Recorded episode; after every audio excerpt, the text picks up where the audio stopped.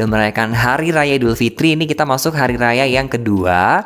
Sebagaimana diketahui kalau di bulan Syawal itu emang umat muslim disunahkan untuk melaksanakan beberapa amalan setelah berhari raya gitu ya. Salah satunya adalah puasa Syawal yang sangat dianjurkan Karena hukumnya itu adalah sunnah mu'akadah nggak seperti puasa Ramadan ya. Kalau puasa Ramadan tuh puasa yang wajib, tapi dan wajib dan sebulan penuh. Tapi kalau puasa Syawal itu sunnah muakadah dan dilaksanakan hanya dalam enam hari saja.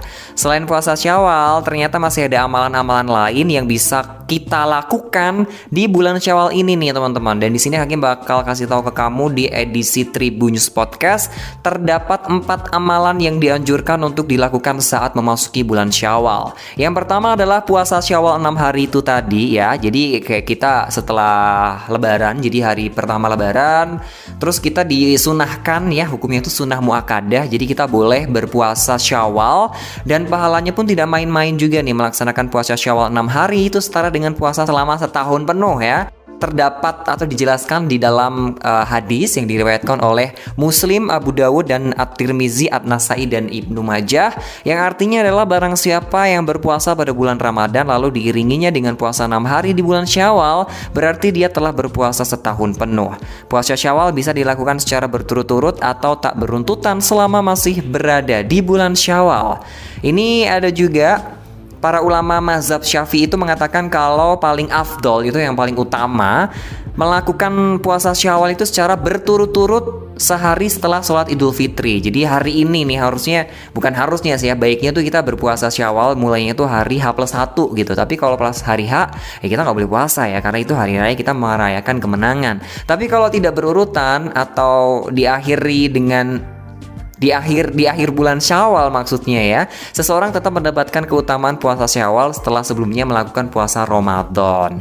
Terus selain berpuasa Syawal, itu juga ada sunnah yang kedua adalah amalan sunnah yang kedua itu menikah gitu ya. Jadi buat kamu yang kepengen cari tanggal nikah nih ya, mendingan besok-besok nikahnya tuh pas bulan Syawal karena ternyata Menikah di bulan Syawal itu merupakan salah satu amalan sunnah yang bisa kita lakukan. Jadi amalan ini pernah dilakukan juga oleh Rasulullah Nabi Muhammad Wasallam yang menikahi Aisyah di bulan Syawal. Ini terdapat hadis yang diriwayatkan oleh Muslim Rasulullah Shallallahu Alaihi Wasallam menikahiku di bulan Syawal dan membangun rumah tangga denganku pada bulan Syawal pula. Maka istri-istri Rasulullah Shallallahu Alaihi Wasallam yang manakah yang lebih beruntung di sisinya dariku? Ini perawi berkata bahwa Aisyah radhiyallahu anhu dahulu suka menikahkan para wanita di bulan Syawal. Nah, di antara hikmah dianjurkannya menikah di bulan Syawal itu adalah menyelisihi keyakinan dan kebiasaan masyarakat jahiliyah zaman dulu. Jadi tujuannya itu diceritakan dalam rangka membantah anggapan jahiliyah dan keyakinan tahayul orang awam di zaman dulu, mereka-mereka itu membenci acara pernikahan di bulan Syawal karena diyakini membawa sial dan ini adalah keyakinan yang salah, tidak memiliki landasan dan terdapat kebiasaan-kebiasaan kebodohan atau masa-masa jahiliyah di mana mereka beranggapan sial dengan bulan Syawal. Nah, ini tadi yang kedua, yang ketiga adalah mengganti iktikaf. Jadi nggak cuma puasa aja, iktikaf itu juga diganti itu bisa ya. Jadi kalau kamu termasuk orang yang meninggalkan iktikaf iktikaf di bulan Ramadan, maka kamu bisa menggantinya di bulan Syawal ini. Sebagaimana Rasulullah Shallallahu Alaihi Wasallam pernah menggantikan iktikaf di bulan Syawal karena meninggalkan saat bulan Ramadan. Terdapat sebuah riwayat hadis yang sohih ya dari Ummu al Mukminin yang menyatakan kalau Nabi Shallallahu Alaihi Wasallam itu beriktikaf 10 hari pertama di bulan Syawal dan dalam satu riwayat beliau melaksanakannya di 10 hari terakhir bulan Syawal. Hadis riwayat Bukhari dan juga Muslim.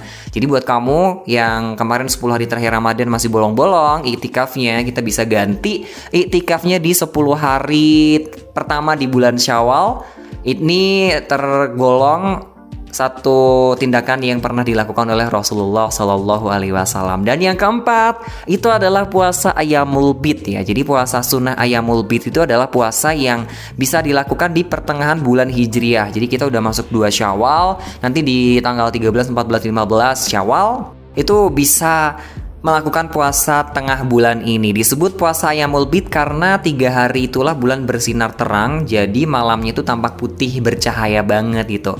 Ini adalah beberapa ada beberapa dalil yang menyebutkan kalau anjuran puasa Ayamul Bid di bulan Syawal itu cukup disunahkan. Jadi hadis dari Abu Hurairah radhiyallahu anhu ia berkata, "Kekasihku yaitu Rasulullah shallallahu alaihi wasallam mewasiatkan kepadaku tiga nasihat yang aku tidak meninggalkannya hingga aku mati."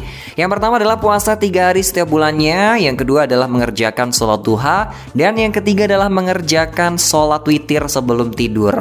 Ada juga ada ada hadis ya, hadis dari Ibnu Milhan al Qaishi dari ayahnya ia berkata, Rasulullah shallallahu alaihi wasallam wasallam biasa memerintahkan pada kami untuk berpuasa pada ayamul bid yaitu 13, 14, 15 dari bulan Hijriah.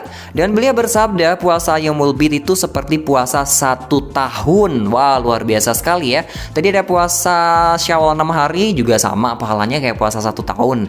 Puasa ayamul bid yang cuma tiga hari di pertengahan bulan juga punya pahala yang sama seperti puasa selama satu tahun. Masya Allah sekali ya ini bisa kita coba empat amalan-amalan yang bisa kita lakukan di bulan Syawal tadi ada berpuasa di tengah bulan atau ayamul bid, terus juga mengganti itikaf, menikah dan juga berpuasa enam hari atau puasa Syawal. Mungkin puasa Syawal bisa, puasa ayamul bid bisa, terus puasa bukan puasa tadi menggantikan itikaf juga bisa. Tapi yang menikah ini nih ya kita kudu nyari calon-calonnya dulu gitu ya, kagak sembarangan gitu ya kan. Jadi buat kamu-kamu semua nih yang dengerin Hakim saat ini di Titip Bunyi Style yang masih jomblo-jomblo kita persiapkan dulu deh tanggal nikah yang baik itu ternyata di bulan Syawal cukup dianjurkan. Oke buat kamu yang udah nikah atau yang belum nikah semoga bermanfaat. Hakim mau ngucapin Selamat merayakan Hari Raya Idul Fitri. Taqabbalallahu minna wa minkum minal aizin wal faizin. Mohon maaf lahir dan batin. Semoga bermanfaat. Sampai jumpa di episode berikutnya. Hakim mau lanjutin